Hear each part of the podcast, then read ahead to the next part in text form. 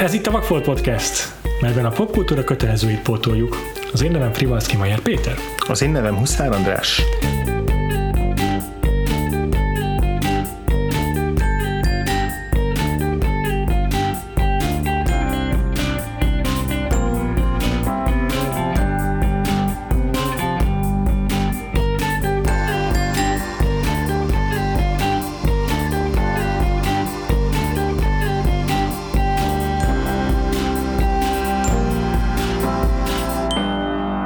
Visszatérünk Jack Nicholsonhoz a múlt heti adásunk után, és ezzel le is zárjuk a Jack Nicholson blokkunkat. Nem, mintha egyébként nem lenne még 60 millió filmet megnézhetnénk őtőle, mert szerintem a 70-es évek az úgy nagyjából kimaradt mind a kettőnknek. Hmm.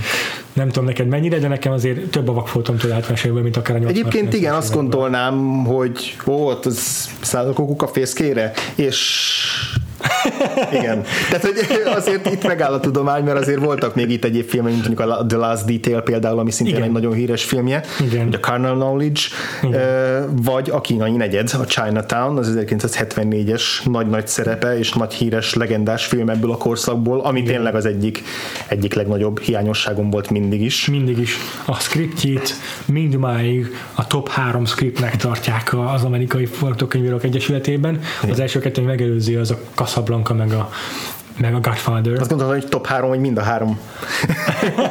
mind a három ez a forgatókönyv. Igen, rosszul fogalmaztam. De Robert Town scriptje az tényleg egy ilyen nagyon jelentős munka, és Roman Polanski rendezése is ö, ö, máig tanítani való.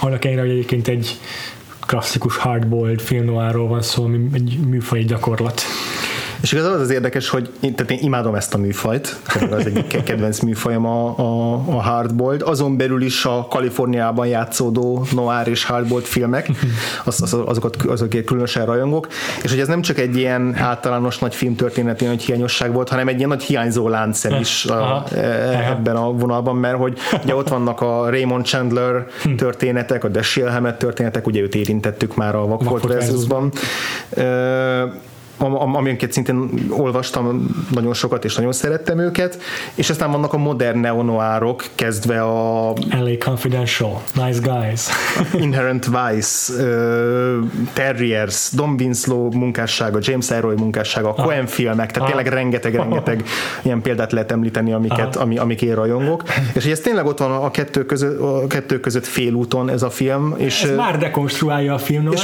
pont ez, pont ez benne az izgalmas, hogy ezért is hiányzó lánc láncem, mert, yeah. hogy, mert hogy vette azt a fajta Chandleri, meg, Ray, meg Dashiell Hammetti magánnyomozó hőst, más a kettő, de most kicsit ömlesszük őket egybe, Jó. azt a fajta hőst, aki cinikus ugyan, meg, meg már így látja, hogy a világ rohat, de azért még igazából picit romantikus, és még megpróbálja megmenteni ezt a világot, és általában sikerül is neki. Mindig van egy kis negatív hangnem a végén, vagy egy ilyen kis keserédes hangnem, de általában elkapja a gyilkost, letartóztatja a tettest, helyreáll a világrend, rend. És aztán ez az a film, ami ezt aztán teljesen semmisé teszi, spoiler, mert hogy, mert hogy megalkotja ennek a műfajnak egy remek művét, és közben egyúttal dekonstruálja azt, és elviszi egy olyan végpontig, amire azt gondolnak, hogy ezután már nincs tovább, de hogy ez yeah. még inkább inspirálta aztán yeah. az őt követőket. És szerintem de tényleg James Elroynál nehéz pessimistább és nihilistább noir szerzőt elképzelni, de hogy még szerintem még ő sem annyira, annyira negatív a történetének a végén, mint a kínai negyed. Tehát ez elképesztően durván sötét a befejezése. és igen, akkor ezzel a film kapcsolatban jelentsük ki most rögtön, hogy végig spoileres lesz az adásunk. Igen. Nincsen spoilermentes blog, mert alapjáról nincs értelme spoilerek nélkül beszélni. Viszont van annyira fordulatos, hogy inkább nézzétek meg a filmet, ha még nem láttátok, ja. mert ezt tényleg nagyon el fogjuk rontani, hogyha most e- kibeszéljük előtte. Igen. És az a durva, hogy én ennyit tudtam róla előzetesen, pont amit az előbb elmondtam, hogy, ez, hogy, ez, hogy ennek, ennek kilátástalan a befejezése. Uh-huh. De még így is azt hittem, hogy azért csak ad majd valami apró reménysugarat ez a film, hogy azért majd, majd még, még így is reménykedtem benne, hogy hát így biztos lesz valami, egy valami majd jól sül, yeah. csak minden más lesz rossz, és így nem, nem, mindenből a lehető legrosszabb. Aha. Nagyon hát igen. durva. A, igen, igen a, Nagyon durva mélyütés. Kilátástalan befejezése a filmnek az még akkor is ismer mindenki számára, ha nem látta a filmet, mert az utolsó mondata, hmm. vagy hát majdnem utolsó mondata, a Forget, Forget it Jake, it's Chinatown, ez, ez mindenki hallotta már és tudja mindenki a kontextusát. Igen, úgyhogy ez, ez, igen, ez megint, egy, megint csak egy olyan film, amiből tudunk ilyen szállóigéket. Én tudtam a nagy fordulatot benne, hm. Ö, mondom, tudtam, hogy ilyen kilátástalan a befejezése, tehát nagyjából így tényleg képben voltam vele, ö, és ennek ellenére lenyűgözött, és ennek ellenére így imádom. Tehát, igen. hogy elképesztően jó film, annyi, olyan stílusa van, olyan profizmusa van, Igen. a forgatókönyvtől, a rendezésig Igen. minden annyira ezért patentosan izgalmas és, és sokrétű, hogy, hogy tényleg nem, nem, nem rontott a filmélményen egyáltalán az, hogy, hogy, hogy nem okozott bizonyos pontokon meglepetés. Bár, mint mondom, még így is megvezetett. nem tudom, hogy te mennyire voltál így képben a, a, a filmen. Nyilván Szerintem még annyira sem, mint te. Tehát azt, tudtam természetesen, hogy film noir, meg azt is tudtam, hogy Robert Town scriptjét mennyire nagyra tartják és minden indokával ennek tisztában voltam, hogy egy minden szállat szépen elvarró, minden utalást felhasználó, teljesen kerek, tökéletes történet, amelyben minden jelenet több szálom, több történetet mesél el egyszerre, uh-huh. és a karakterek szintjén is uh, izgalmas. Uh, és gondoltam, hogy Roman Polanski rendezése is majd uh-huh. uh, mestermű lesz meg, na ami meglepett igazából engem az az, hogy arra számítottam, hogy hogy itt majd valami, nem is tudom, hogy mondjam, de nagyon másra számítottam Jack Nicholson-tól. Aha. mint amit kaptam. Aha. Kezdhetjük megint nála, Jó, mint ahogy mindig az, ebben az évadban a színészek felül Jó. közelítünk. Jó. Úgy nem is tudom pontosan megfogalmazni, mi az, amiben másra számítottam, de én azt gondoltam, hogy itt majd ő lesz a jó fiú. hogy úgy jó fiú lesz, hogy így abszolút nem, bár, nem várom majd tőle, hogy mennyire jó fiú lesz. hát pedig ugye 70-es években már nincsenek jó fiúk. ja. Nem tudom pontosan ezt hogy képzeltem, de így mondom, itt majd biztos valami nagyon-nagyon-nagyon úgyat fog mutatni. Aha. És egyébként tényleg más, mint a Five Easy Pieces-ben. Igen. Csak csupán négy évvel korábban. De de azért mégiscsak egy antihős. azért mégiscsak Abszolút. egy vérbeli veretes antihős. Abszolút, főleg, hogy megismerjük, tehát ez is egy, ez is egy nagyon nagyívű jellemrajz. Mm, igen. Egy nagy, nagy, nagy utat járunk be ezzel a szereplővel. Hogyha de a Five Easy Pieces-ben egy pillanatra se váltunk el uh, Bob karakterétől, Bobby karakterétől, na itt, itt ugyanez, még, még inkább igaz talán, hogy tényleg a legvégét kivéve szerintem nincs olyan a filmben, hogy így elszakadnánk attól, hogy mi, attól a légtértől, amiben tartózkodik. És igen. mindig az ő Meg attól a nézőponttól, igen. Tehát igen. ott a, a, a Nemes Jeles László azt hiszem többek között ezt a filmet emlegette a, a napszáltának ilyen ihletőként, ezt a, pont ezt a szubjektív, szubjektív nézőpontnak a, a kérlelhetetlenségét, az, Aha. hogy tényleg nincsen jelenet, amiben Jack Nicholson ne lenne benne, és ugyan a kamera nem az ő nem szó szerint az ő szemszögét jelen testesíti meg, ugyanakkor, ugyanakkor végig csak annyit látunk a környezetéből, amennyit ő, és csak annyit tudunk, információk tekintetében a rejtéről, amennyit ő tud, Igen. és ezt, ezt végig konzekvensen tartja. És a, a napszállítát nem láttam, de arról is tudom, hogy tényleg nagyon gyakran hátulról követi csak a szereplőit, a főszereplőit, és ebben a filmben is Jack Nicholson 50%-ban háttal van a kamerának, és csak megy és követ valakit, vagy megfigyel valamit. Igen, hát az egyetlen különbség, hogy neki nincs olyan kecses nyakszírtje, mint a Jakab Julinak. Egyébként, egyébként ugyanaz a két film. ugyanaz a két film. De hogy igen, tényleg érdekes, én sem tudtam pontosan, hogy mire számít csak majd a, a J. Gittis karakterétől, vagy J.J. Gittis ja, ja, ja. karakterétől. Én nem hiszem, hogy ennyire jó fiúra számítottam, de, de, de azért tény, hogy az elején ő, ő a nagyon tipikus arrogáns, pökhendi, hiperkölc Jack nicholson hozza, már ez a karakter, mert Igen. az öltözködésében, ahogy a ilyen izé, brok, izé, bíbor színű mi a francot kendőt tart a három részes öltönyében, ugye bor, izé, borbélyhoz jár, tehát ő ilyen nagyon kikent, kifent figura, és ugye egy után megtudjuk, hogy ő neki volt egy rendőr múltja, uh-huh.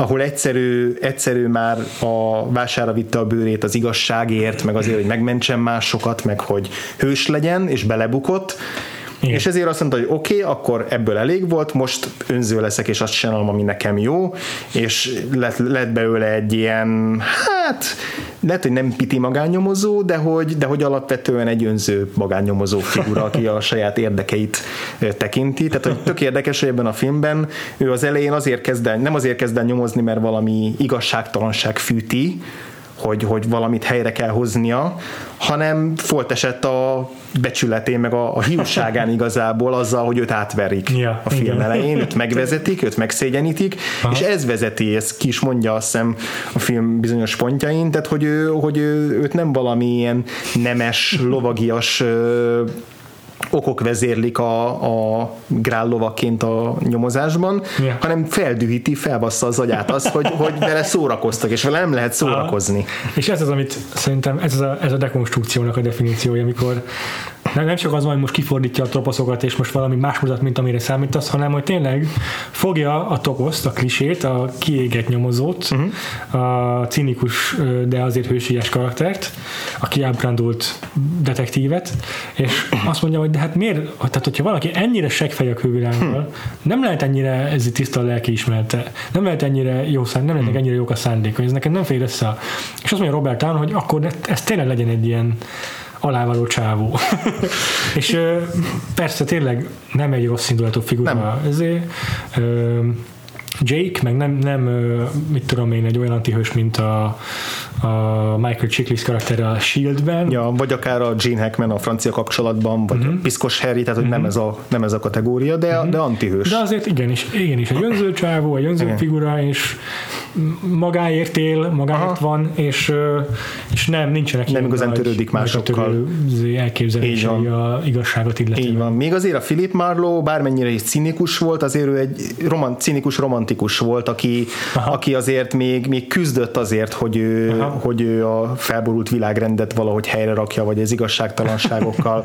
A, kö- körülveszi a bűn, meg a fertő, de ő azért abban még, még, Ja, még ja. van egy ilyen küldetéstudat, hogy, hogy azért ő, ő, még, ő még meg akarja bosszulni a társát, ő még meg akarja menteni a bajba jutottakat. Tehát van benne egy ilyen melankólikus ö, szélmalomharcos. igen, igen. És, és ez a film be, meg felmutatja ezt a toposzt, majd bemutatja, hogy milyen ennek a végpontja hasonlóan, ahogy egyébként a a western hőssel tette meg a Clint Eastwood a Nincs Bocsánatban. Szerintem Ja. hasonló dekonstrukciót hajt Igen. végre ez a film is a magánnyomozó ö, karakterével. És egyébként rögtön a film elején van egy, egy kulcs párbeszéd, amiben igazából megfogalmazik az, hogy miről fog szólni ez a film, ahol az egyik ügyfele, ügyfelének azt tanácsolja, hogy aki fel, fel akarja őt bérelni azért, hogy vajon a férje megcsalja-e, azt mondja neki, hogy better off not knowing, hogy jó, jobb, ha az ember nem Igen, tudja. igen, igen, ez, És a, e- aha, igen. Ez, ez milyen fura, hogy egy magánnyomozó azt Igen. mondja, hogy inkább ne akarja megtudni, hogy kivel csal meg a férjed. Jobb, jobb, jobb eltemetni az igazságot. Igen, jobb szőnyeg alá söpörni a dolgokat, jobb, jobb félrenézni, jobb nem tudomást venni a, a szennyes Igen. dolgokról. Igen. Mire azt És mondja, kezdődik a film, tényleg. mire azt mondja a másik, hogy I have to know. És igazából ez a, a film végig a, a Gitisnek is a dilemmája az, hogy ő igazából nem akarja kideríteni azt, amit ő Hát, kiderít, nem akarja tudni, de onnantól, hogy megtudta, onnantól már nincs nincs tovább, onnantól már neki is bele kell állnia. Ja. Ja. És te többen ebbe a akarok dologba. lebeszélni erről. Úgyhogy, úgyhogy érdekes, hogy tényleg így rögtön a film elején felmutatja ezeket a nagyon tipikus kliséket, hogy megjelenik a femme fatale, ez az ügyfél, akiről is beszéltünk. Az nem ugyanaz az ügyfél, mert hogy a film elején a Mrs. Marverate egy más valaki játsza, egy, egy, egy, egy, egy, egy, impostor játsza. Pont ez az, tehát én is pont ezt akarom mondani, hogy Ja. a film elején úgy tűnik, mintha ez egy tipikus noir lenne, vagy Ja. tipikus hardboiled krimi, hogy megjelenik a femme fatale, aki felbéreli a, a feleség, hogy mit művel a férj, és akkor úgy süt be a reluxán keresztül, a redőnyön keresztül a, a nap, hogy ilyen árnyékokat vet, mint a Humphrey Bogart arcára. Igen, és csak a, mon- csak a monológ hiányzik, amit a fejében mond a főszereplő. Igen, a nem tudom, volt narráció. benne, de valamiért nem tudtam összetötni. Pontosan.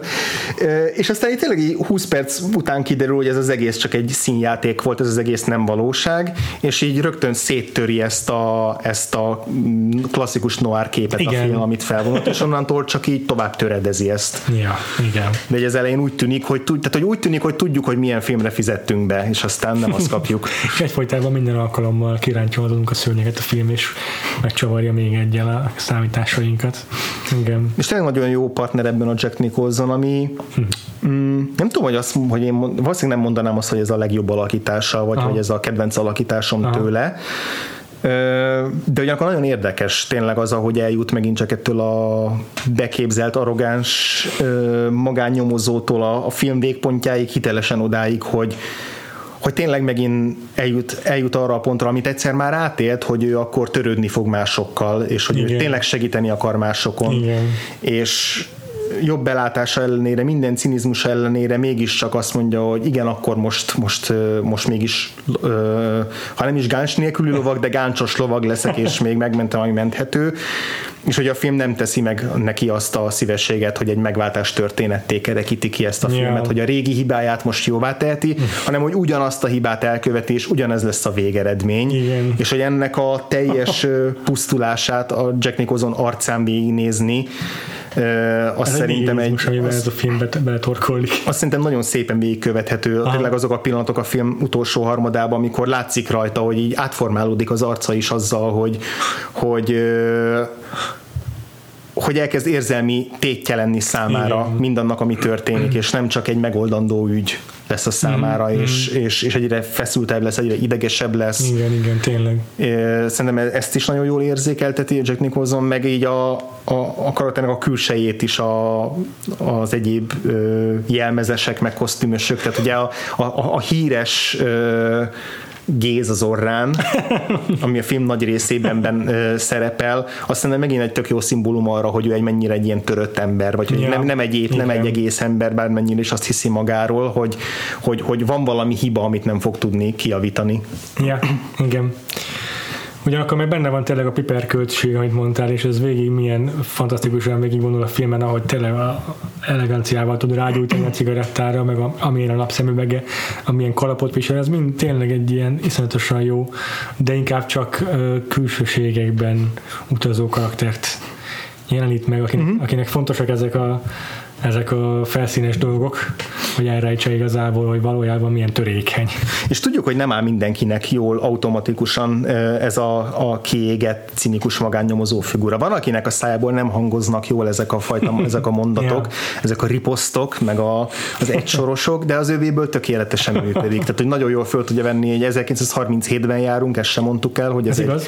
Ez egy period ez piece kosztümös darab. És hogy és Jack Nicholson azért egy elég modern figura, és hogy mégis tökéletesen Aha. belepasszol ebbe a közegbe, nem lók ki belőle, se a dialóguk szintjén, se a megjelenésével. Tehát, hogy így mm. tökéletesen első perctől elhittem neki, hogy ő egy ilyen hardboiled magányomozó.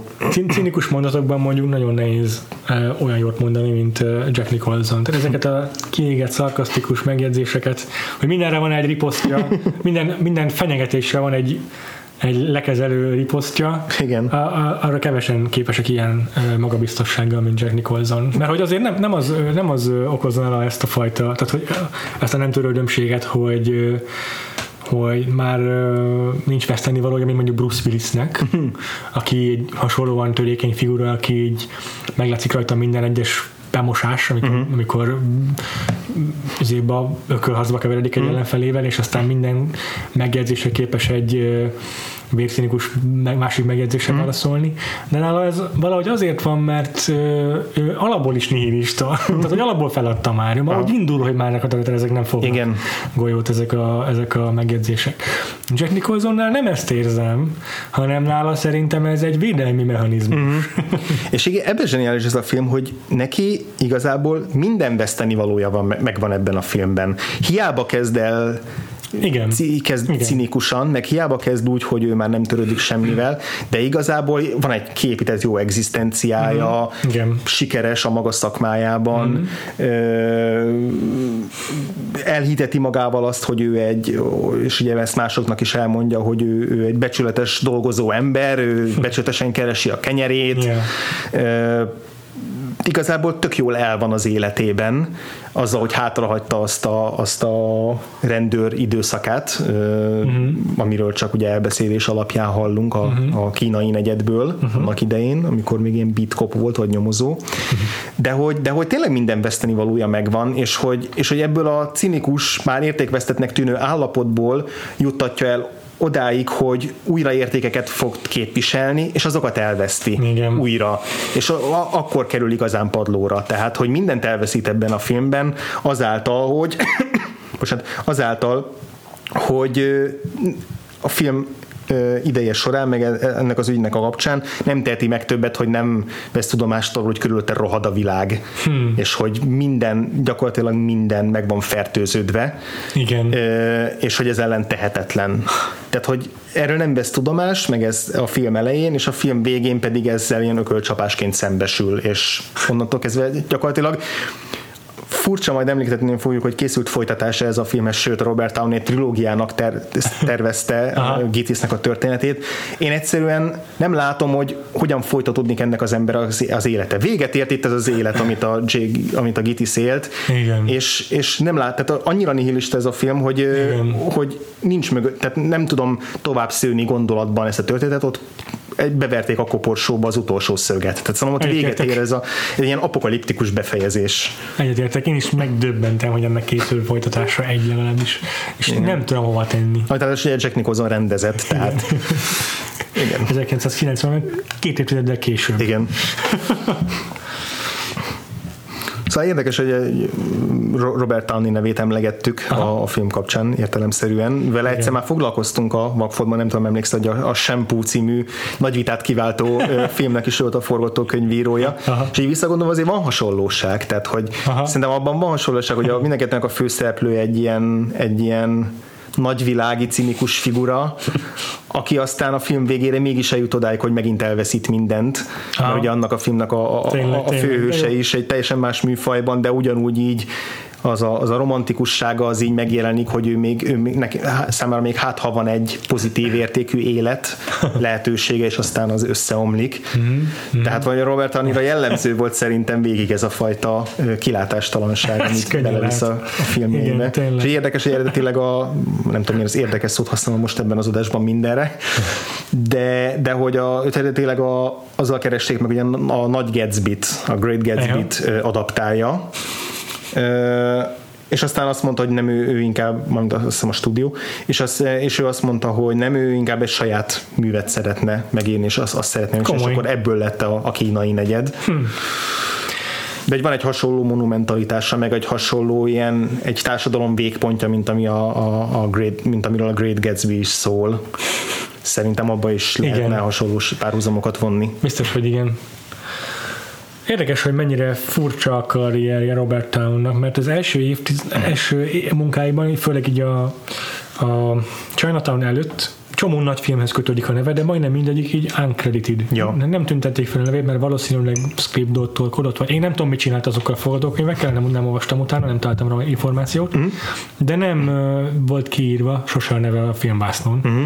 Olyan filmekben sem, mint a Parallax View, ami szintén Warren Beatty, ha jól emlékszem És amiről beszéltünk is az és adásban. amiről beszéltünk is, meg a The Misery Breaks, ami meg szintén Jack Nicholson film, Marlon Brando mellett játszott uh-huh. abban a filmben Nicholson, Aha. és az egy western, amiben szintén nem volt feldüntetve Robert Town neve. És amiben viszont igen, azok a későbbi filmjei, mint a Mission Impossible 1-2, Igen. mert azt hiszem volt még más kollaborációja Tom cruise mert szerintem akkor volt az, hogy Tom Cruise A ilyen- Days of Thunder, igen. Aha, hogy ilyen produceri mm, izével váltott hengerét, Tom, Tom. Cruise, és akkor megtalálta Robert Town-t, hogy akkor most legyen ő a kedvenc fo- forgatókönyvírója szerintem. Ja, ja, igen. Ő volt az eredeti, hogy azt a szót használjam én is, ő volt az eredeti Christopher McQuarrie. Christopher mcquarrie mennyire hízna a mája, hogyha egy ilyen összehasonlítást hallana. De egyébként tényleg ő is egy csomó olyan scripthez fűződik a neve, ami mm. sose volt kiírva rajtuk a neve. Van egy-két nagy dobása. Ja. A Chinatownhoz mérhető szerintem a Usual Suspects a maga fordulatossága van egy konstrukciójával. Én sem szeretem azt a filmet annyira, de, de érted a Nem, nem érhető hozzá. Én is a szeretem, de- évtizedben az, az szerintem hat hasonló. Tehát a Usual Suspects az iszonyatosan nagyot szólt, amikor megjelent. Ez tény. És, és aztán tök hasonlóan is alakult a karrier, hm. mind a ketten elmentek Mission csinálni. Na, de visszatérve, igen, Robert Town. Akkor Robert Town ennyit. Ja. Így van, pipa. Pipa. Most rátérhetünk a- az adásunknak a legkevésbé ö, ellenmondásos figurájára, Roman Polanskira. Igen, kezdeném, kezdeném a film végéről, mert mondtad, hogy Ja. nihilista a film befejezése, és azt akkor nyilván itt már csak az hallgat bennünket, aki remélhetőleg látta a filmet, de azzal zárul a film, hogy Faye Dunaway-t, aki a filmnek a női főszereplője, akiről nem beszéltünk, Igen. lelövik. Igen. És Ugye, megpróbálom ezt a rend, ilyen bizánci bonyolultságot tehát egy mondatban összefoglalni, Jó, rendben. hogy így mondod, hajrá. hogy Jack Nicholson, ugye Gitiszt felbéreli egy egy helyi ilyen vízigazgatóság egyik elnök, Ja. elnökének a Közül. felesége, azért, hogy nyomozza ki, hogy megcsalja őt a férje. Majd kiderül, hogy ez az egész igazából csak egy lejárató akció volt a, a férjel kapcsolatban, viszont a férjt mégiscsak meggyilkolják, pontosabban meggyilkolják. Uh-huh. E, és ezért Gitis megismeri a valódi feleséget, Uh-huh. Akit Faden Dunaway játszik, és végül a valódi feleség valóban felbéreli, hogy derítse ki, hogy mi történt a férjel. Ö, és ennek kapcsán gyakorlatilag kiderít egy ilyen óriási korrupciós botrányt, ö, telegbotrányt, ami a Los Angeles vízháztartásával kapcsolatos, ami Igen. nagyon unalmasan hangzik, de borzasztó izgalmas mégiscsak ebben a filmben. Igen, igen. Ö, És És ez ennek, mindegy a, hadművelet igazából, mármint a film forradalmi szempontjából. és ennek a végére jutunk el egy, egy teljes, egy vérfertőzéssel és ö, iszonyatosan erőt, brutális traumákkal teli család történetig, Igen. aminek a Faye növény karakter áll a középpontjában, és amihez visszavezethető ez az egész konfliktus forrás, és aminek kapcsán megjelenik a film valódi villenje, főgonosza, Faye Dunaway édesapja, aki John Huston alakít, ez a Neil Cross nevű. Noah Cross. Noah Cross, bocsánat, nagyon fontos, Noah, Noah. mint A vízzel kapcsolatos hatalom. név. Ö, Noah Cross figurája, és, ugye- És a cross vezetéknév sem túl árnyalt.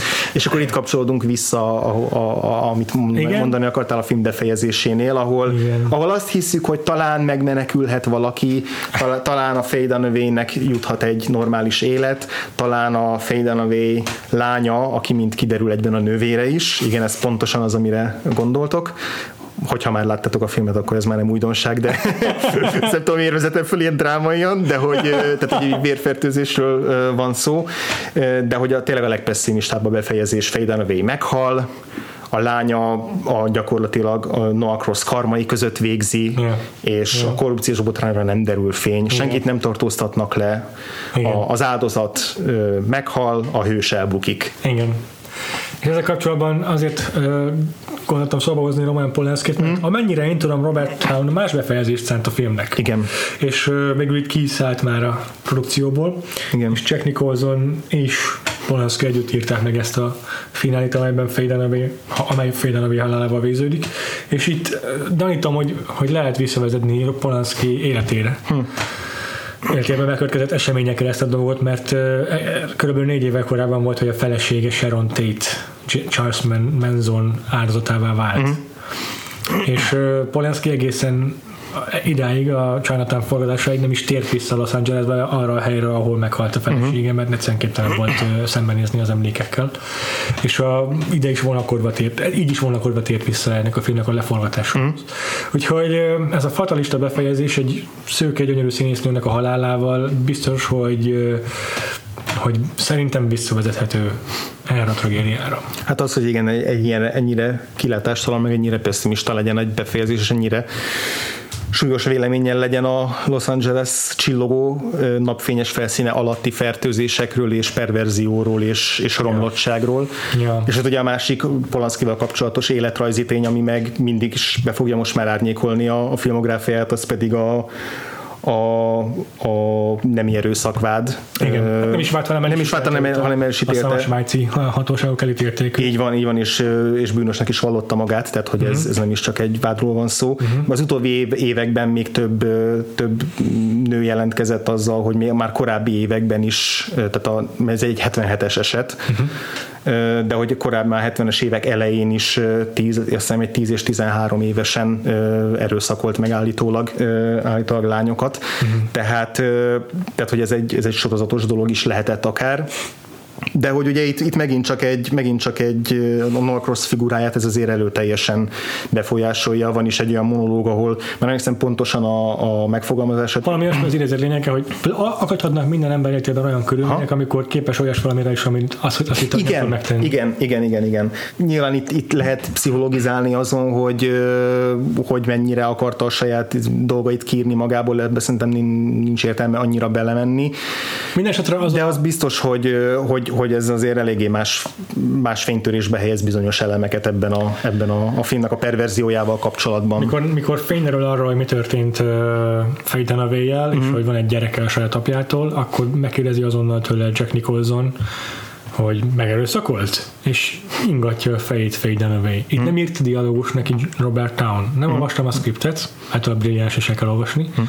Nem tudom, van-e benne stage direction arra vonatkozóan, hogy mit csináljon Faye Dunaway, hmm. De ingatja a fejét. Hmm. Ami nagyon-nagyon furcsa, akkor is, hogyha csak nézed a filmet, és mm. nem tudsz senkiről semmit ebben a filmmel kapcsolatban. De így, hogy tudod, hogy Roman Polanski rendezte, így meg aztán igen. különösen problémás. Igen, igen. De egyébként is Polanskiról nem lehet másként beszélni, és, ez nem, az, és nem, is, tehát nem, is, ez ne, nem, nem, is fogunk sosem beszélni róla, hogy ezt, ezt elismernénk, vagy meg nem említenénk. Azt nem állítom, hogy bármiféle igazságot fogunk tenni azok kapcsolatban, hogy ez most mi hatással van arra, ja, igen. meg itt hogyan ítéljük őt meg, mint művészt. De, de a Chinatown tényleg Robert Townnak, Jack Nicholsonnak, Faye Dunaway-nek és Roman Polanskinak egyaránt köszönhetően az egy sikeresebb hollywoodi alkotás, és tényleg egy fontos produkció, hogy nem láttunk eddig, és meg kellett néznünk. Így van, így van, igen. És túl sok művésznek a tehetségét tehát fosztanák meg, igen. hogyha nem néznénk meg és nem beszélnénk róla szerintem. Igen, igen. Hát ott a Vakford során már azért elég sokszor előkerült ez a téma különböző alkotók Aha. kapcsán, azért sem biztos, hogy most feltétlenül erre kell még ennél, ennél bővebb kitérőt mhm, tenni. Mm-hmm. És csak az a különbség, hogy, és ez most nem, nem bocsánat, hogy cinikus mencsajatőzésnek hangzik, de a különbség az csupán az, hogy ezekkel az alkotókkal kapcsolatban csupán annyi a különbség, hogy tudunk, tudhatunk ezekről a dolgokról. Hm hány olyan ember van, akinek fogalmunk sincs, hogy egyszerűen nem maradt fönn róla semmi, hogy, hogy, hogy milyen életet élt. Nem tudhatjuk. Senkinek. Ezek nem, nem tudhatjuk soha. Ja. Igen. Palaszki pont az érdekes, mert ő, ő, ő az, akiről egyértelműen tudjuk, és még, még olyan úgymond bizonytalanság sincs a Woody Allennél, akinél mm-hmm. szintén szerintem azért eléggé, eléggé egyértelmű, de hogy ott ott sokáig elvileg ugye, izé, egymásnak ellenmondó nyilatkozatok, stb. stb. De hogy itt még, itt még ez sincs, itt, itt igen, bírósági igen. ítélet születik, mm. ami annyira ritka ilyen esetben, igen. annyira ritka, igen. hogy valóban szülessen egy bírósági ítélet, igen. hogy itt, itt, itt tényleg nincs kérdőjel. És hát azért is, azért, tényleg azért is említettük ezt, egyrészt mert muszáj említenünk nála, másrészt pedig azért is, mert tényleg a film is azzal foglalkozik, hogy a romlottság az milyen mélyen porózusan itatja át a valóság minden szegletét, és mennyire reménytelen fel venni bele a harcot, hiszen erről szól a film is, hogy, Igen. hogy Gitis azzal szembesül, hogy, hogy neki, mint, mint egy egyszerű halandónak nincsenek eszközei arra, hogy, hogy felvegye a kesztyűt a, az emberi romlottsággal szemben. Érdekes, hogy ez mennyire, annak ellenére, hogy szinte semmit sem lettem Polanszkitól, de csak az a kevés információ, ami van a filmográf fejemben, az is mennyire azt sugalja nekem, hogy ez mennyire visszatérő motivum ő nála. Mert a Rosemary gyermek az azért szintén egy ilyen lehetetlenül hatalmas erővel szembeni harcról szól, nem beszélve az angolistáról. Ami meg a, a aki nem látta, most az is tudja, miről szól szerintem, és yeah. az megint csak egy ilyen lehetetlen küzdelem, egy szisztematikus hmm. ö, ö, elnyomásról, Igen. elnyomásról szemben, és, és, és ö, ez mennyire gyakran összetérő, és mennyire más-más módokon feldolgozott témája Polanskinek. Érdekes, amit mondtál, John Huston, hmm. ebben a filmben, mint Noah Cross, több szempontból is. Egyrészt a Máltai Solyon rendezője, mm. Színészként bukkan fel ebben a filmben, és a Máltai Solyon pedig szerintem vitathatatlanul a legismertebb három film noir egyike. Mindenképp. arról nem beszélve, hogy John Huston, Angelica Huston apukája, aki meg Jack Nicholsonnak azt hiszem az élettársa volt 17 éve, hát vagy nem Igen, tudom, és kb. ekkor jöttek össze, tehát...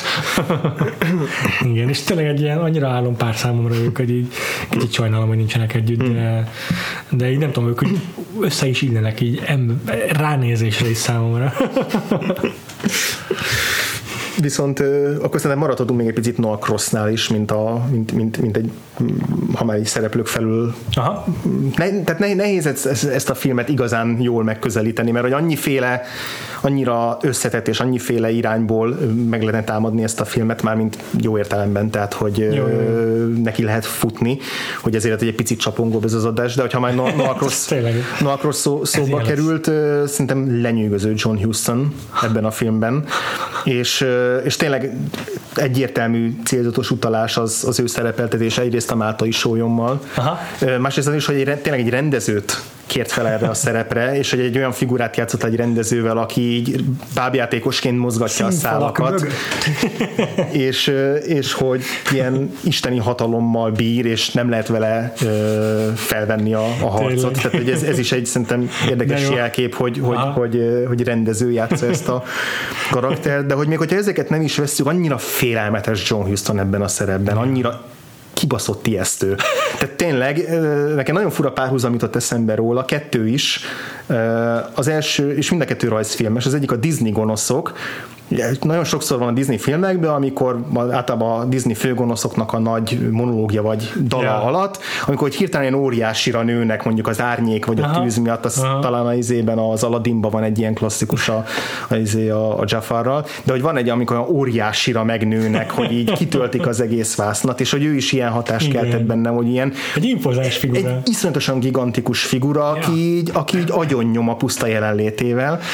A másik párhuzam, ami szintén a az meg a mi az, aki filmeknek a, az ilyen furcsa, nem emberi, félemberi gonosztevő, amik szintén ilyen nagyon nagy, masszív ilyen masszák szoktak Aha. lenni, mint a Chihiróban is, az Aha. a, az a nagy furcsa szörny, Igen. ami megjelenik, hogy van benne valami olyan ilyen húsmasszák. Húsmassza, hogy a John Huston is van olyan húsmassza ebben a filmben, a mély basszusával, Aha. mindennel valahogy egy ilyen iszonyatosan impozáns figura, aki, aki így földbe döngöl. Tehát, Igen. tehát tényleg retteget, rettenetesen Aha. ijesztő karakter, és megértem, hogy miért fél tőle mindenki. Miközben igazából, tehát amiket mond, az persze félelmetes, meg pont azt a fajta ö, szociopata, dúsgazdag attitűdöt fog, ö, fogalmazza meg, ami, ami a kizsákmányolásról szól, mm, arról, mm, hogy neki semmi más nem számít az életben, csak mm. hogy birtokoljon és uralkodjon mások fölött. Yeah. De olyan joviálisan beszél ezekről, és olyan, olyan, olyan, olyan kedvesen beszél ezekről, de mégis iszonyú félelmetes. Igen. tényleg. Tényleg. Tök jó. Fade Away meg szerintem azért érdekes, mert ahogyan felvezetted, hogy a film bedobja a horgot, hogy van ebben a filmben femme fatál, uh-huh. és valójában aztán nincs. nincs. Szerintem ő sem. Nem, nem, nem, nem. Pont, hogy egy áldozatról van uh-huh. szó, vagy uh-huh. egy igen, egy áldozat igen, szerepről. de, úgy, de őt is úgy dobja be a film. Igen. Hogy az a meg ugyanúgy néz ki, a fehér sminkelt arc, mint hogyha egy fekete-fehér filmben látnám, úgy igen. Igen, igen, de hogy igazából ebben tényleg nincs végzett asszonya ebben, mm, a, ebben mm, a, mm. a filmben, az, az csak egy átverés volt.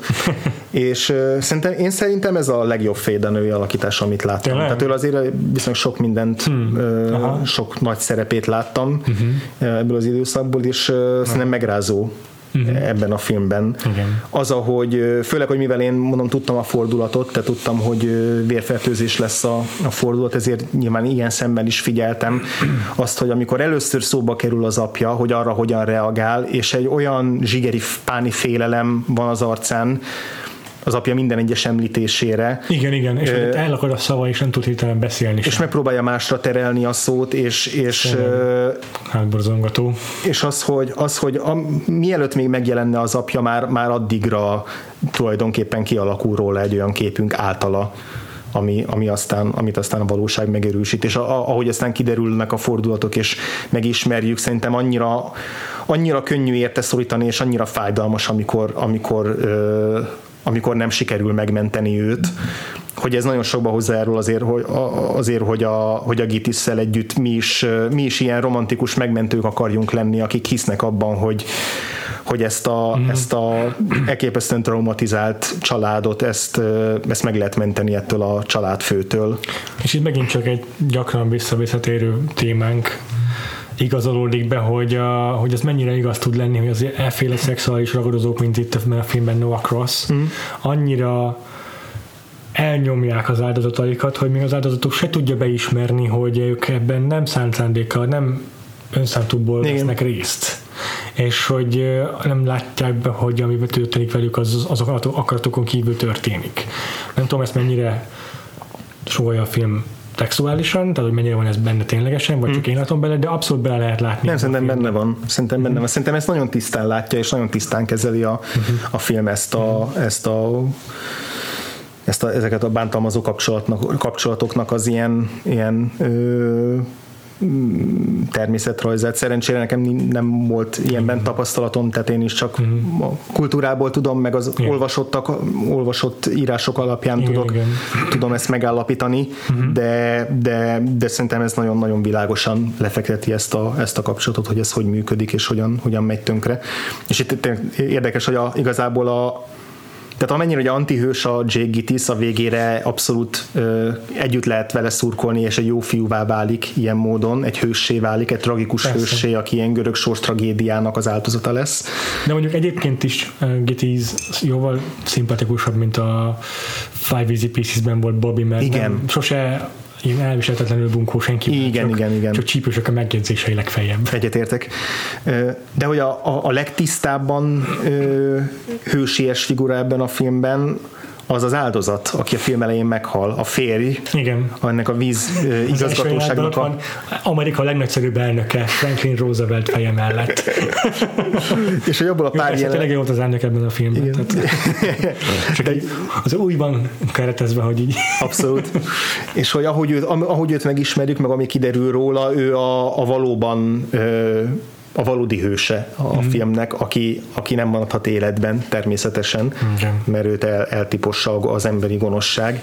Igen. De hogy ő az, aki, aki meg akarja menteni a Faye aki ö, meredéket nyújt a, a lányának, és neki is, aki a korrupciót ö, le akarja buktatni, illetve mm. nem akarja, hogy olyan áldozatok történjenek a korrupciós botrányok miatt. Ugye ez, ez kis bonyolult azt a pontos bázát felfejteni, hogy akkor most pontosan a vízzel mi történik, és hogyan Igen, vezetik az, keresztül. Az, az ő beszéd, hogy ő szerette volna közkincsíteni a vízműveket, tehát hogy ez ne legyen, ez egy állami intézmény legyen, legyen privatizálva. legyen, és, és ez okozta a vesztély gyakorlatilag. Igen, illetve hogy volt egy olyan, azt hiszem, olyan gátkatasztrófa korábban, aminek Aha, részben igen. ő volt a felelőse, amiben emberéletek vesztek el, uh-huh. és hogy nem akarja, hogy ez újra megtörténjen, ami egy párhuzam a Gitis-szel, hiszen Gitis is Igen, uh, Gitisnek is van múltjában egy olyan esemény, amivel nem akarja, hogy megismétlődjön, és megismétlődik az is, tehát hogy a történelem ismétli önmagát, és Igen. ez is ilyen fatalista. Igen. És akkor ennek kapcsán meg nyilván rengeteg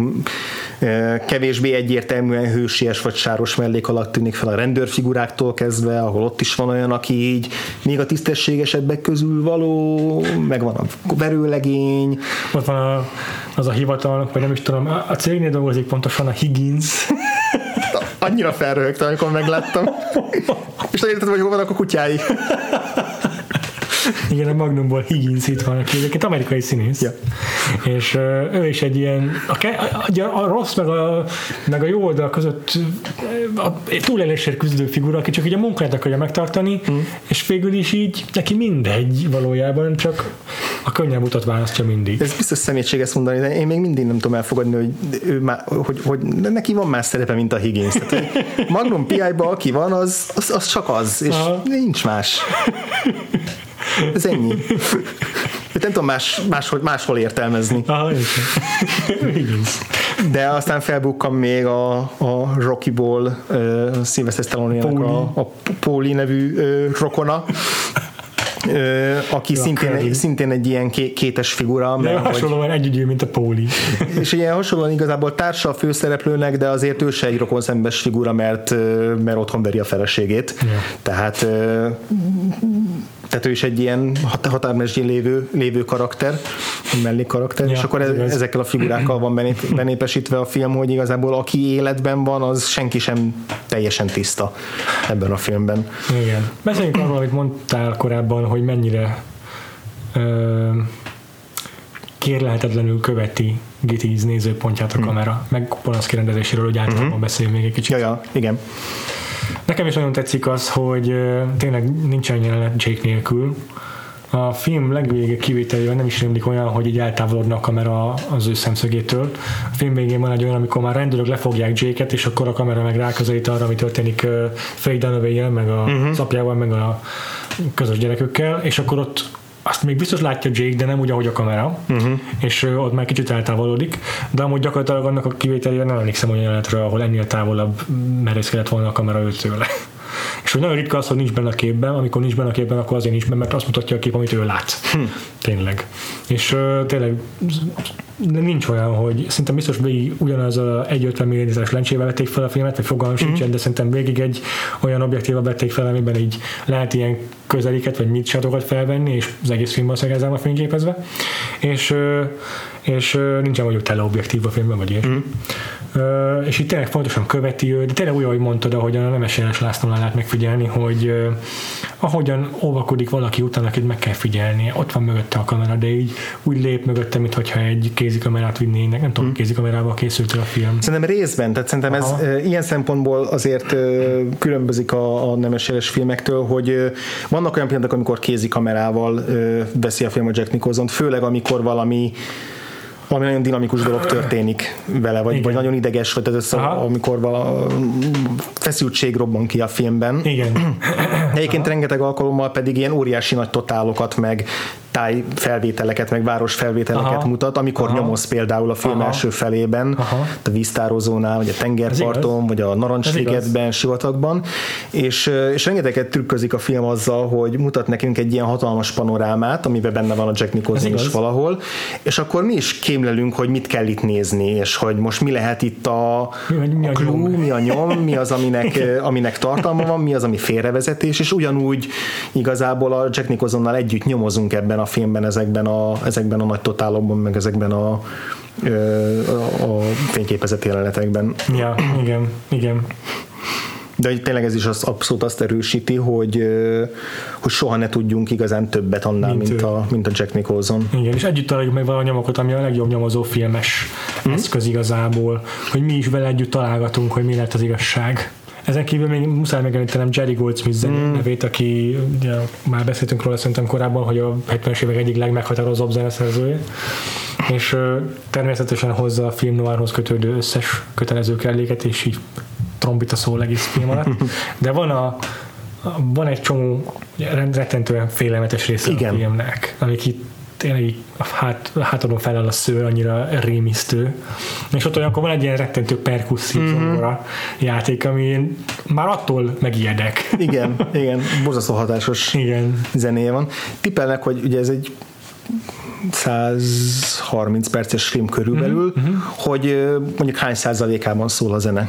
Szerintem elég sok százalékában, mondjuk azt mondanám, hogy most én alapvetően nem hiszem, hogy általában túl sok mm. szor szó. Tehát nem hiszem, hogy általában több mint felében szól a filmnek mm. a zene. Szerintem azt mondanám, hogy ennek olyan 30-40 százalékában. Mm. Szerinted? Ö, na hát én tudom a meg, meg, megfejtést, és az az érdekes, hogy a 130 percből 23 percben szól összesen a zene, tehát nagyon azt kevés, pedig azt, vagy azt érzi az ember, mintha faltól falig Igen. szólna, mert hogy annyira monumentális, meg annyira epikus, míg hogyha tök jól levezetted, mert tudjuk, hogy 70-es években azért inkább általában nem szokott filmzene lenni, ja, mint amikor aha. van, de hogy a 23 perc ez nagyon kevésnek nagyon. tűnik, és hogy mégis annyira jól van elhelyezve, Aztán. hogy ennyire emlékezetes Aztán. maradjon, Igen. és ráadásul a Jerry Goldsmith ezt 10 nap alatt hozta össze, mert volt egy eredeti zeneszerző, egy Philip Lambro nevű zeneszerző, Aha akinek általában egy borzalmas zenét szerzett, már mint a Polanszkinek nagyon nem tetszett, és ezért kirúgta, és így, és így kellett a ha, hajrában kellett igen,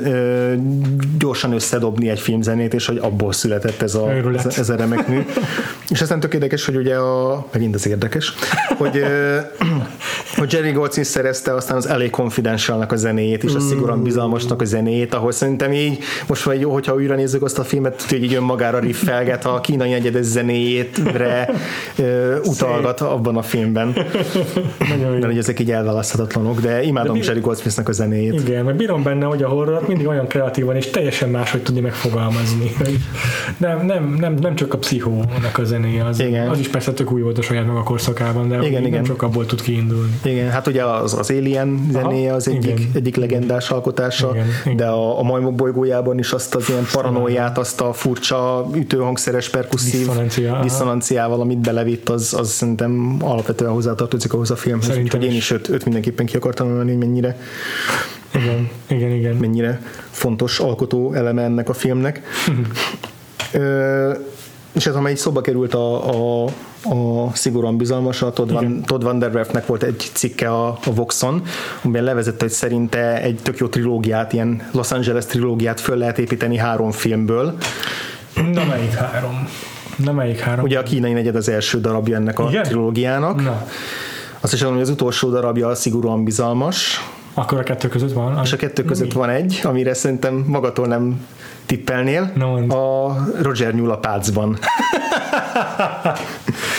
és így nagyon meggyőzően és jól levezeti azt, hogy hogyan ábrázolja Los Angelesnek a fertőjét ez a, a, a három film, és hogyan jut el a Los Angeles születésétől a Zsenyula Pácban keresztül az, az ottani a szórakoztatóiparnak igen, a, a fertője. Igen, és végén pedig a Hollywood, mint ami a szigorúan bizalmas, ugye a Hollywoodban játszódik elsősorban, és színésznőkkel, és hogy a, hmm. az álomgyárnak a sötétebbik oldalát mutatja be. Szerintem nagyon vicces ezt a három filmet egybefűzni egy ilyen évre, de, de engem meggyőzött arról, hogy ez, hogy ez tényleg legitim. De hogy ezt azért is akartam megemlíteni, mert hogy itt azért tök fontos ez a, ez a tényleg ez a történelmi távlata a kínai negyednek, az, hogy ez a Los Angeles születésének a romlottságát is megmutatja. Ez igazából egy eredeti mítosz a, filmnek, a, a városnak, és aha, lehet is aha. tudni, hogy valós eseményeken alapul. Wikipedia szócikken utána lehet nézni, hogy ki a, az áldozatnak a megfelelője, mi volt ennek a vízügynek a valódi háttere, milyen aha. suskusok szóltak arról, hogy Los Angeles-t hogyan ö, építsék bele ebbe a negyedbe, és hogyan a, teremtsék meg a, a virágzó Los Angeles-t ilyen ö, kizsákmányoló módszerekkel. Aztán Pontosan nem jegyeztem meg ennek okay. a, a részleteit, de, de utána lehet nézni, hogy mi volt a, a valódi háttere. Aha. És ugye tényleg, a, a, ami, ami nincs benne a korábbi noárokban, mert a korábbi noárokban ugye ilyen mátai solymokat kell megszerezni, meg, meg, meg, meg ehhez hasonló ügyekben kell eljárni, ott igazából nincs egy ilyen korrupciónak szerintem ritkán van ilyen politikai valós háttere, ami a, a valóságban gyökerezik. Mm, igen, Inkább ilyen igen. általánosabb igen, a, igen, a korrupciónak a megjelenése. Ez igaz. És itt pedig egyrészt, hogy van egy ilyen nagyon is valóságos ö, alapja a filmnek, tehát ami kiderül az összeesküvés, az egy nagyon valóságos politikai ö, vetülete.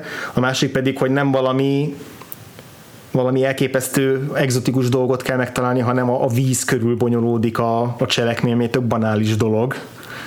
Persze, hogy, hogy, hogy, a vízről van szó, de hogy mégis mindennek mégis. az alapja a víz, mert hogy ez egy lé, az a, a lételemnek a, az alapja, és minden ettől függ, és aki ezt uralja, az ural minden mást is. És ezt a film is szerintem megfelelően kihangsúlyozza, mert nem csak az derül ki, hogy amúgy tényleg szárasság van, és hogy Igen. ez az emberek élete múlik, de hogy az öntözés is az, hogy legyen élelmiszer, az is ezen múlik. Igen és hogy, meg, és hogy az, hogy a, a Noah Cross mint a fő gonosztevő ennek a filmnek, az nem csak a gyakorlatilag a családját fertőzte meg azzal, hogy megerőszakolta a lányát, mm. és hogy kizsákmányolja a családját, mm. hanem a, a földet is, meg a, mm. az egész környezetet is megrontja. Mm. Ezzel így vég, végképp így ilyen pestisként tőle eredeztethető, és tőle terjed el mindenhova ez a fertőzés. Szóval, hogy te annyira egységes ez a filmnek a, a gondolatisága, meg az a nézőpont, amit bemutat. Ez, a, ez, ez abszolút egy ilyen realisztikusságot kölcsönöz ennek az egyébként filmnek, hmm. és ami szerintem még hozzátesz sokat az az, hogy olvastam, hogy a, a, azért a Koszova jellemző még az, hogy az olyan, ha már egyszer megcsinálunk egy ilyen klasszikus hollywoodi filmet, ami a uh-huh. old Hollywood érát idézi meg, akkor legyen is olyan, hogy akkor használunk ilyen diffúziós szűrőket, ami nem tudom, lát, emlékszel még a, amikor beszéltünk az Last Man Standingről, Hogyne. Walter Hill milyen szül, furcsa megoldás alkalmazott, hogy olyan legyen az a film, hogy mint a kicsit hogy ellene mosodva minden él, mm. mert olyan, mint egy régi fekete-fehér film, vagy egy ilyen technicolor film, hogy ilyen, hogy hívják, a szűrik harisnyával a képet, mm-hmm. hogy diffúz, a színeket izé szétszórja kicsit, vagy a fényeket szétszórja jobban mm-hmm. az, az objektív. Na hát itt egyértelmű, hogy ilyesmit nem használ Polanski, és, a, a, és ettől ilyen nagyon kristálytiszta éles lesz Nagyon, kép. de túl éles, tehát hogy Aha. ez a napfény, ez ilyen bántó, meg ez a, az a környezet, amit Igen. megismerünk, ez, ez rossz érzés kell bennünk, nem egy idilli helyszín, Igen. hanem Igen. így valami viszolgás kell bennünk, Igen. akaratlanul is. Igen, nekem is ugyanez volt az érzésem tényleg az egész, van egy ilyen idegen hatása is tőle kicsit a filmnek. Igen. Az, nem egy ilyen befogadó közeg, amit itt kapunk. Igen, igen. És, a, és az, hogy a kamera meg tényleg mm, amilyen óvatosan mozog a végig a filmben, mert mindig tud mozogni a kamera, mm. mindig követi Jake-et, mindig együtt fordul vele a tekintetével, mindig olyan, olyan egy horrorban, mm. hogy így nem tudod, mi lesz a kamera sarkában, hol lesz a nyom, hol lesz valami, amit észre kell venni. Ez tök jó, mondod, mert, mert erről, erről ugrott be, hogy egy milyen párhuzam a filmmel kapcsolatban, a Halloween-nel kapcsolatban, John Carpenter halloween amiben ahogy az volt az egyik nagy novum, hogy nappal játszódott egy nagy része, Ja. és hogy nem az éjszaka, nem, nem csak az éjszakában tud, tudta megjeleníteni a félelmet, meg a rettegést, hanem egy tök átlagos, hétköznapi, kertvárosi, napsütéses helyen is iszonyatosan félelmetes tudott lenni egy egyszerű utcakép Ja, a kameramozgásnak köszönhetően, hogy, hogy, hogy a nappal is félelmetes, és ugy- ugyanezt éreztem ebben a filmben is, hogy így Ja. süt a nap, és igazából izé, Los Angeles az álmok városa, gyönyörűnek kéne lennie, Ja. de igazából ilyen, ilyen süti a tarkódat, és, és, és irritál minden, amit látsz Igen, ebben a igen, nehéz megvenni a bőrödben. környezetben. De még az éjszakai felvételek, nem azok kapcsolatban annyi, hogy szintén Old Hollywood versus Chinatown, hogy, hogy ugye tényleg éjszaka forgattak jeleneteket, mert most már itt meg volt a lehetőség rá, mert jobban tudtak világítani, meg a kamerák is jobbak, meg mit tudom én, és hogy a régi filmekben még mindig az volt, hogy még, Rádobtak még egy a Sergio Leone igen. filmekben is, hogy ami korszakban készült, hogy, hogy, hogy nappal vették fel szűrővel. Ez költségvetési okai voltak főként, Igen. hát a technika. És nem azért, hogy, ne, hogy elhatárolja magát a korszaktól, csak egyszerűen megvan az a különbség, hogy ez egy 70-es években készült film, és ettől realisztikusabb lesz, hm. és ettől még húsba vágóbb, mint ezek a sokkal elvontabb, Ja. vagy számunkra elvontabb régi filmnárok, amik csak filmként nézzük. Igen. Csak ezt akartam, hogy nyilvánvalóan ez nem egy olyan kreatív döntés, mint az, hogy milyen objektívet használsz, ja. mert egyszerűen csak egy kézenfekvő, hogy most már tudunk éjszaka forgatni, akkor éjszaka forgatunk, de van egy ilyen fontos határvonal itt a filmnoárban ennek köszönhetően, hm. hogy ez ettől egy sokkal ö, húsba vágó film már számomra. Akarok beszélni a filmben a, a végigvonuló kettősségről. Hm. Ö, ez feltűnt nézés közben is, aztán rákerestem a Google-be, hogy Duality in Chinatown, és egy szóltam róla, szóval érdemes utána olvasni, mert nem fogok mindent elmondani ezzel kapcsolatban, de a filmnek egy fontos témája a kettősség. Aha. Ez azért is van, mert ez a, az angolban is, hogy duplicitous, meg ilyesmi, ezek így azzal függenek össze, hogy így mindenek van két oldala, meg lehet az, hogy valaminek van egy árnyoldala, lehet valami, amit nem is tudsz igazából róla, mindenek van ö, valami egy titkos fele, hogy úgy mondjam. Ja. Vagy valami, amit nem tudsz róla. És a filmben a kettősség, az szerintem csak csomó minden szimbolizál, de végigvonul az egész filmen. Ö, csomó mindenből kettő van a filmben, vagy amiből alul kettő van, azt meg különösen kihangsúlyozza. Például a Jake, amikor megtámadják, akkor az egyik orjukát veszíti el. Uh-huh. Ezek szervén közül egy csomó mindenből kettő van. Ő az egyik orrát betapasztva hogy használja onnantól kezdve. Fake Dunaway a film végén az egyik szemét veszíti el, azt lövik neki ki. Uh-huh. De már a film közben is megtudjuk, hogy az egyik szemében Igen, van van egy hiba. kis fekete folt, egy Igen. úgymond, úgymond ilyen születési vagy anyai egyszerűség. Igen. A- Anyai csak a szemben, ahogy ő mondja. Ez azt sugalja számomra, hogy az, a szem, meg a látás az mindig az igazsághoz kötődő fogalom, mm. mert a saját szemeddel tudod csak megnézni az igazságot. És hogyha abban van valami hiba, az olyan, mintha a titkolnál valamit, mm. és a Faye Dunaway titkolt valamit a filmben. Akkor van az a ját a filmben, amikor úgy nyomozza a Jake, hogy azt akarja megtudni, hogy egy kocsi mikor hajt el, és akkor alá tesz egy ilyen kis zsebórát. És már nála van egy pont ugyanolyan zsebóra, hogy nézze, hogy mikor, tehát össze van hangolva a két óra, hogy tudja, mikor tör, megy, megy tönkre az óra, ami ráhajtott a kocsi. És az a két órát utána Polanski úgy fényképező, hogy le van a téve egymás mellé, az egyik óra törött, a másik jó. Ez is egy ilyen dualitás, hogy van egy rossz, törött verziója, Igen. ami jó. Mint a Jake Orjukának, Igen, a, igen. Dunaway személynek.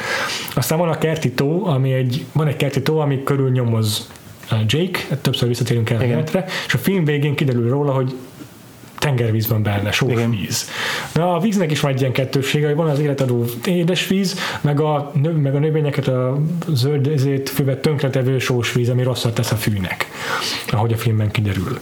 Akkor akkor van egy jelenet a filmben, amikor az Faye Dunaway, a Mrs. Mulray rágyújt egy cigarettára, és szólnak neki, hogy de hát már volt egy cigid, és akkor elnyomja mellette a másik cigét. Ott is van egy, tehát ott is kettő cigire gyújt el egyszerre, és az egyik az el, elnyomja gyorsan. Aztán kettő Mrs. Mulray van a filmben, Igen. hiszen van egy Impostor Mulray. És a Murray, a Mrs. Murray lánya egyben a húga, tehát kettős szerepe van az életében annak a nőnek. Ö, és szerintem ez a filmben egy ilyen direkt végig, szándékosan, tudatosan végighúzott mo- motívum, amely pont erre utal, hogy, hogy ö, hogy mindennek van egy árnyoldal, egy titkos, egy, vagy olyan fele, vagy egy olyan megfelelő, mm. ami, a, ami a hibás, elrontott, rossz, mm. gonosz, ominózus fele, akárhogy is értelmezzük, de sokszor ez kapcsolódik az igazsághoz, és akkor az azzal kapcsolatos hazugságokhoz, hmm. sokszor kapcsolódik a tisztánlátáshoz, és az azzal kapcsolatos titkokhoz. Szerintem ez egy ilyen nagyon komplex metaforája a filmnek. Hmm. Abszolút, ez teljesen meggyőző. Igen. De érdemes ennek a, ezt is, ezt direkt így nyomozgatva, igen, plusz igen. nyomozást beltéve a filmben meg, megnézni még egyszer. Ez igen, ott van, a, ott van a szemüveg is, ami egy ilyen visszatérő oh, nyom, ami az összetört oh. szemüveg, ami... Ami ráadásul bifokális szemüveg, igen. hogy még, még duplázol. Igen, és ott is egy, egy szemüvegről egy ponton azt hiszi a Gitis, hogy az a nyomra vezető dolog, és kiderül, hogy valójában nem arról van szó, tehát igen. Az, is egy, az is egy igen, igen, tényleg. Ki, ki, kiegészíti ezt az ívet. Ezt meg Gitti szemüvegét is összetörik, azt hiszem, mert van egy napszemüvege, mm. ami azt hiszem amúgy dioptriás, és akkor azt is eltörik, tehát ebben is van egy ilyen motivum megint csak. Ez Igen. sok, sok, sok szerelem, Igen. sok, sok megjelenik a filmben. A szemek amúgy is gyakran előkerülnek a párbeszédekben is, tehát van egy jelent, amikor arról beszél a Jake uh, valamelyik hivatalban, hogy kér egy vonalzót, mert kell neki a rossz a szeme, és akkor kell a vonal követéséhez egy vonalzó, rossz a szeme. Tehát ott is megint csak visszavisszatérünk ezekre a vízió, a látás, tisztánlátás motivumaira. Hmm. Ja, igen. És hát a, a magánnyomozó a főszereplő, úgyhogy a, a, a látás, meg a voyeurizmus, meg Ó, hát a kifigyelés, tehát hogy a, a filmnek a legelső képe a főcím után, az egy fekete-fehér erotikus fotó az egyik ügyfélnek a, a megcsalás, ja. megcsalásának ja. a bizonyítéka. Ja, ja, ja. Ami ugye eleve egy olyan dolog, amit a korábbi noárokban nem lehetett megmutatni, mert volt a kód, a Hayes kód, amit nem lehetett megszegni, és akkor ott csak egy utalgatni lehetett ilyesmire, Aha. és hogy itt most, itt most premier plánban megkapjuk rögtön az első jelenetben. Feketén-fehéren. Így van. De hogy ez is, ez is szerintem abszolút ezt a... Aha, igen. És hát a voyeurizmus az meg aztán még kihúzódik a filmben, mert minden ablakokon keresztül mm-hmm. láttuk, meg nem tudom, erkélyekről lebámolva, de egy oszlop mögébe bújva. Mindig van valami, amiben belekeretezi még a keretet, bekeretezett képét is Polanski.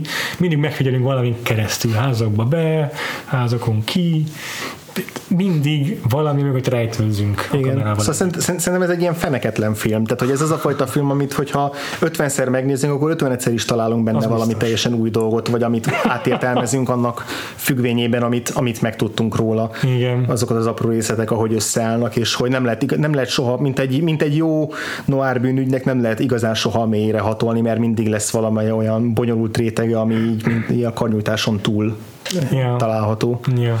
Szóval tényleg lenyűgöző film a Chinatown. Tényleg rendkívül sok a rétege.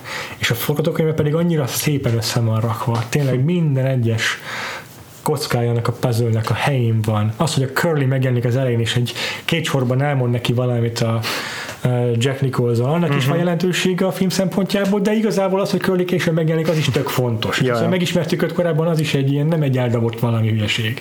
Minden karakter, minden elhangzott mondat a helyén van, szerepet játszik, gyakran több szerepet játszik, uh-huh. gyakran van olyan, hogy találkozunk egy karakterrel egy nyomozás során, aki épp akkor pont nem segít a nyomozásban, vagy pont csak egy félrevezető nyom, de később kiderül, hogy mégis fontos szerepe van.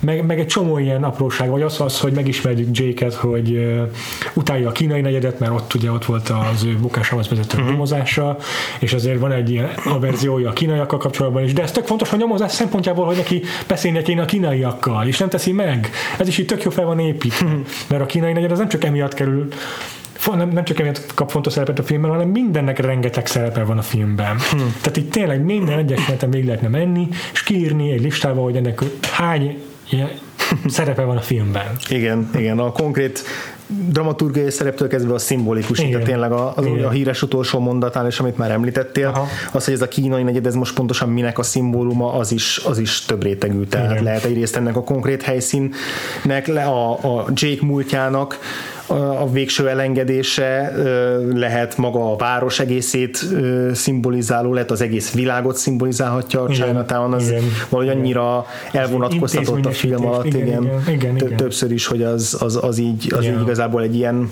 egy ilyen metafizikai ö, módon sűríti, mag, sűrít magában mindent, amit, amit maga mögött kell hagyni a igen. Jack Nicholsonnak, és tök jó a Josh Larsen kedvenc filmspottingos kritikusunk és például képünk, mint podcaster. Fo- fogalmazott úgy a film végéről, ami szerintem egy tök jó leírás, hogy ez a, vég, ez, a vég, ez a film nem véget ér, hanem ez a film feladja.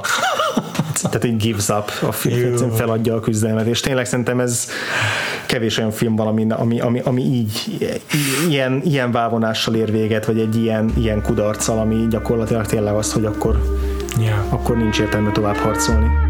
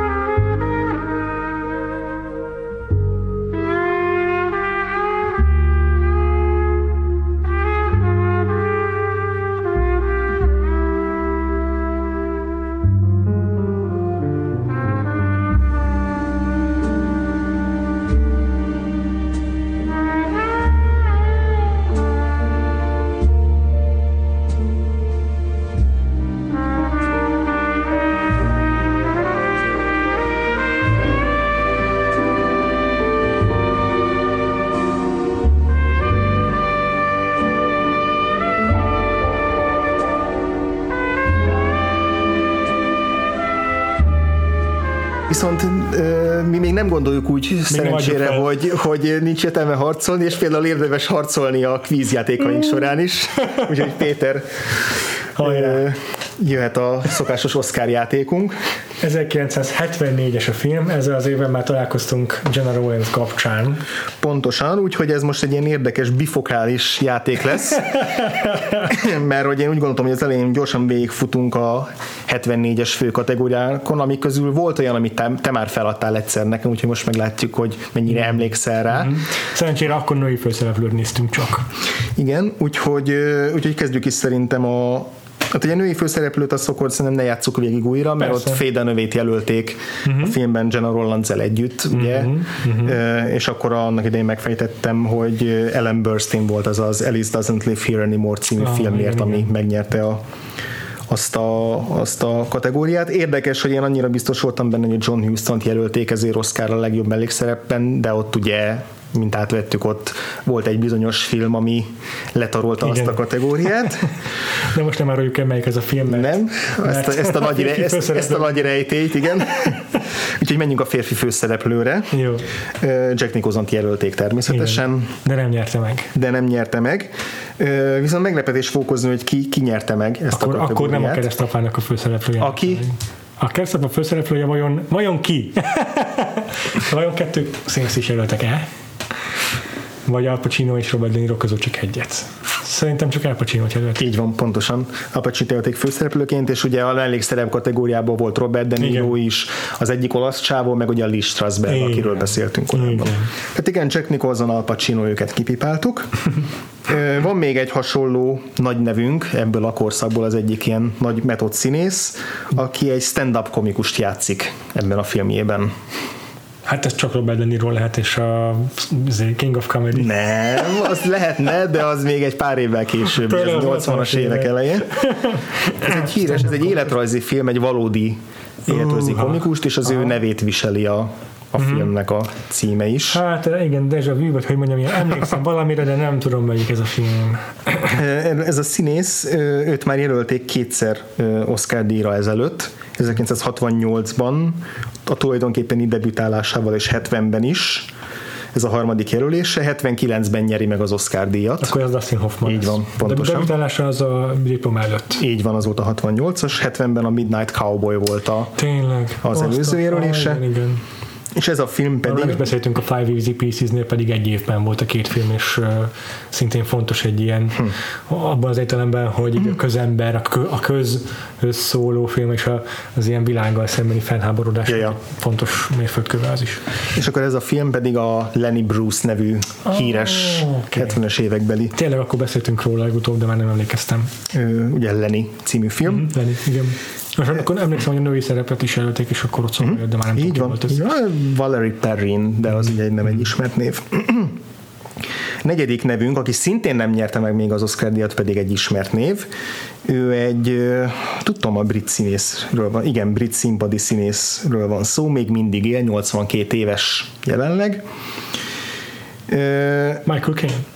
Nem, mert színpadi szín. nem, színpadi színész, de aztán filmekben is játszott sokat, ötször jelölték Oscar díjra, egyszer sem nyerte meg. Ötször. Azt a mindenit. És azért végig dolgozta az évtizedeket, tehát még a 2000-es években is jutott neki például egy Tim Burton film mellékszerepe, felbukkant a Coenéknál, Soderbergnél, sőt legutóbb egy James Bond filmben, az egyik utolsó alakítása egy James Bond filmben volt egy mellékszerep, Wow. És ezt a filmet egy kedvenc amerikai, főleg 70-es években remek műveket alkotó rendezőnk rendezte, egy, Coppola rendezett 70-es évben remek műveket.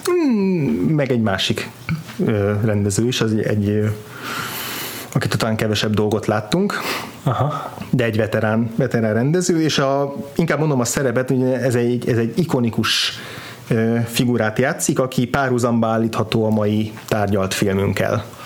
Ugye most a 80, mit tudom én, 8 éves, azt mondtad, ugye? 82. 82, akkor volt ugye 40 évvel korábban, körülbelül 40 40-es. Aha. Aha. aha. És mi ikonikus figurát? Egy olyan, egy legendás Aha, egy valós figurát akkor Nem, nem, egy fiktív figurát, de egy közismert fiktív figurát, ami párhuzamba állítható a mai filmünkkel. Akkor nyomozó. Aha. Aha akkor Sherlock holmes Majdnem. Nem, nem Poirot. Nem. Poirot? Aha. Na hát. Poirot 70-es évekbeli rendező, Poirot film, Ö, egy neves rendező, nem tudok erről. nagy film, rengeteg, de erről tudsz. Ez egy, ez egy, ez egy híres, remékelték nem olyan régen, Hát az az a Ori- Orient Express. Így igen. van. Jaj, jaj, jaj, jaj, és ugye ki volt abban a, ez a, tudtam már egyedül ebben a filmben játszotta ő Aha. Poirot, Uha. Uha. Igen. Ezt jól elfelejtettem ki volt. Albert Finney. Ó, oh, tényleg. Basszus, hogy kirendezte a filmet? Ez pedig ö, igen, elárulhatom, mert nem jelölték Sidney Lumet. Ó, oh, tényleg, basszus. És Peter Ustinov volt egyébként a visszatérő Poirot színész, így a 70-80-as években, aki sokszor játszotta, de Albert Finney volt, aki Aha. hiszem, talán csak ebben az, de lehet, hogy tévedek, de azt hiszem, hogy ebben az egy filmben. Azt a mindenit. Na és egyik ők se nyert Igen. ebben az évben, hanem egy jóval kevésbé ismert színész nyert, aki ennek ez az egyetlen jelölése, tehát ezért ez egy elég jó találati irány, egyszer jelölték és meg is Egyből kapta. levert minden Igen. híres nevet. Ö, ő igazából a tévében volt nagyon ö, ismert, ugye a 60-as, 50-es, 60-as években, vagy Na, a 60-as, 70-es években.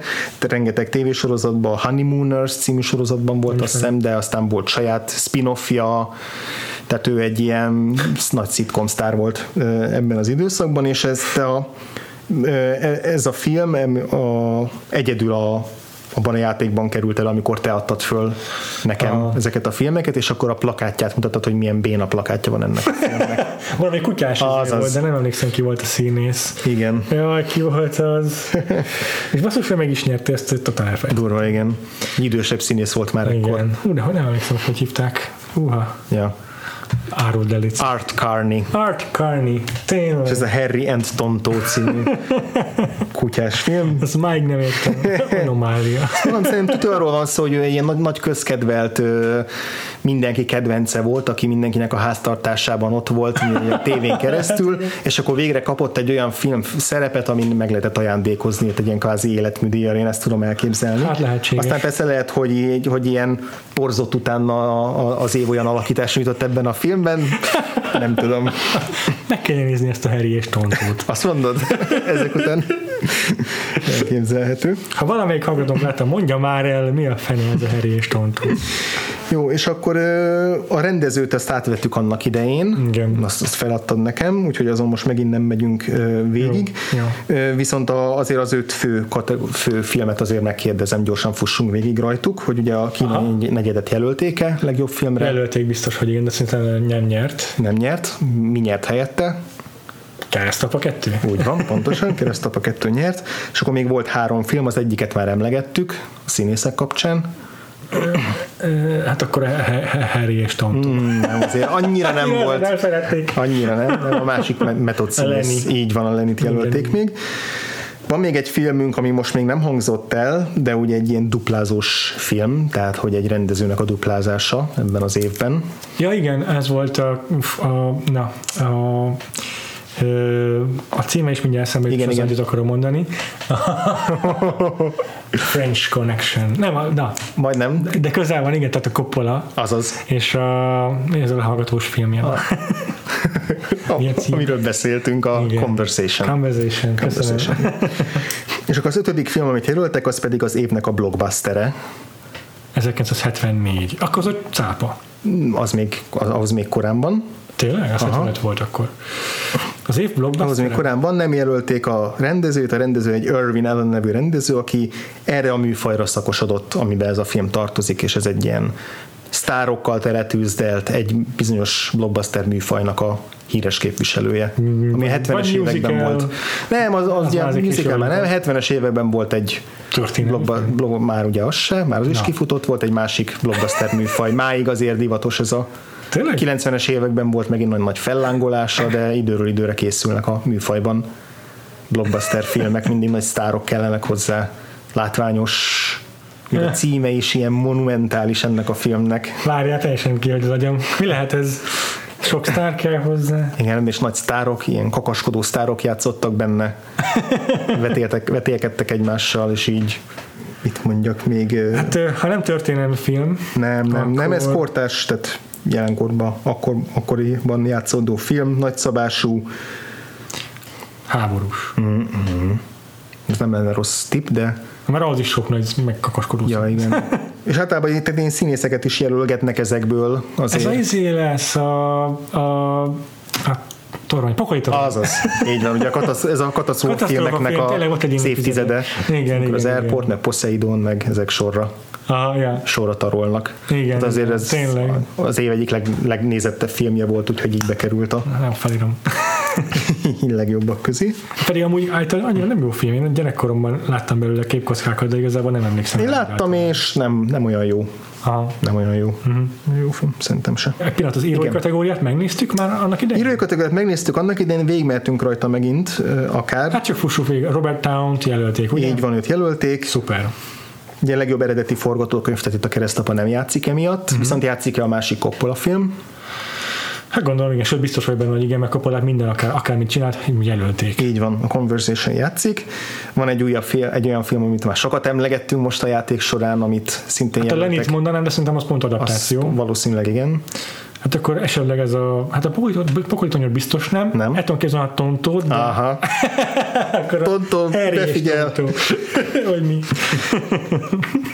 és akkor van még egy ö, nagy 70-es évekbeli kedvenc rendezőnek a filmje, amit emlegettünk egy másik kategória kapcsán, akitől sok filmet vettünk a Vagfoldban. Ö, A másik híres Sok. rendezőnk. Ja, Kedvenc- aha, nagy igen, kedvencünk. Igen, igen. Scorsese. Aha, és ugye melyik filmje, amiről már beszéltünk színészi kategóriánál? 74. Ö, beszéltünk színészi kategóriát Aha. másik filmjéről. Csak most csak átfutottunk rajta, most nem kellett kitalálni. Igen, de persze rögtön elfelejtettem. az. Na jó, mi volt az? Ez az Alice Jaj, tényleg az ő volt, de fasz vagyok. bizony. Ez ő volt, és akkor van még egy ötödik filmünk, amit, elfelejtem, hogy azt ő rendezte. ötödik filmünk, amit szintén annak idején kitaláltattál velem, egy francia rendezőnek a filmje. Truffaut-tól valamelyik. De nem emlékszem, mi a cím. És ez a Day for Night, Aha, aha. amerikai éjszaka. Ez volt az öt Igen, igen. forgatókönyv jelölt. Jövő héten itt most elbúcsúzunk Jack Nicholsontól, és az évad utolsó előtti színész blokkjára rátérve egy színésznőt ö, kerítünk sorra, méghozzá Marilyn Monroe-t. Yay! Hatalmas sztár, tényleg James Deanhez mérhető ikon mindmáig, Igen. akitől kínosan kevés filmet láttunk. Tényleg e- e- e- egy számjegyű, és az sem kerek. Nem kerekedik benne semmi szerintem, Ja, legalább már, mint hogy van, aki forrón szeretét láttuk mind a ketten. Viszont arról nem fogunk beszélni, Hiszen azt láttuk. hiszen azt láttuk, viszont más híres filmjéről igen. Például, amivel kezdeni fogunk, az a Gentlemen Prefer Blondes. Ez az első film, amit Marilyn Monroe-tól meg fogunk nézni. Aha, igen. Addig is megtaláltok minket minden létező platformon. Például van egy... be szépen a Vakfolt podcast nevét. És De tegyétek oda, hogy podcast, mert különben a Vakfolt című filmek valamelyikét fogja kihozni. Vagy egy betegségekről esetleg valami. Ezen kívül megtaláltok bennünket a Facebookon, ott lehet bennünk lájkolni, és kövessetek bennünket, és, és, és, és, és kommenteljetek. Van saját, van, csini, van saját csini honlapunk, ahol igen. évek óta nem változtattunk dizájn, de nem is kell, mert már akkor is szupermenő volt, most is az. Hogyha Marilyn Monroe sztárságával, ikonikusságával, legendájával kapcsolatban van bármilyen érdekes történetetek, vagy bármilyen saját benyomásotok, uh-huh. mitől akkor a maradandó sztár Marilyn Monroe, akkor ezt írjatok meg nekünk például ezeken a platformokon, vagy Twitteren, András téged holtán. Engem a Gains aláhúzás alatt, téged Péter? Engem a Freevo név alatt, f r e, v Igen, írjátok meg, hogy nektek mit jelent Marilyn Monroe, uh-huh. hogy ebből tudjunk táplálkozni, és akkor ezen kívül fönn vagyunk az iTunes-on, föl vagyunk minden létező Ott podcast szolgáltatáson. Ha valahonnan hiányoltok, akkor szóljatok. Igen, ha hiányoltok a YouTube-ról, akkor ne szóljatok. ha szóltok, akkor esetleg a tömegnyomásnak lehet, hogy egyszer eleget fogunk tenni, de én nem a YouTube-ért. A YouTube a pokol. és, és akkor ennyi. Jack Nicholson-tól most könnyes búcsút veszünk, pedig még foglalkozhatnánk vele hetekig, Igen. de ez egy ilyen évad, Igen. úgyhogy találkozunk jövő héten. Addig is sziasztok! Sziasztok!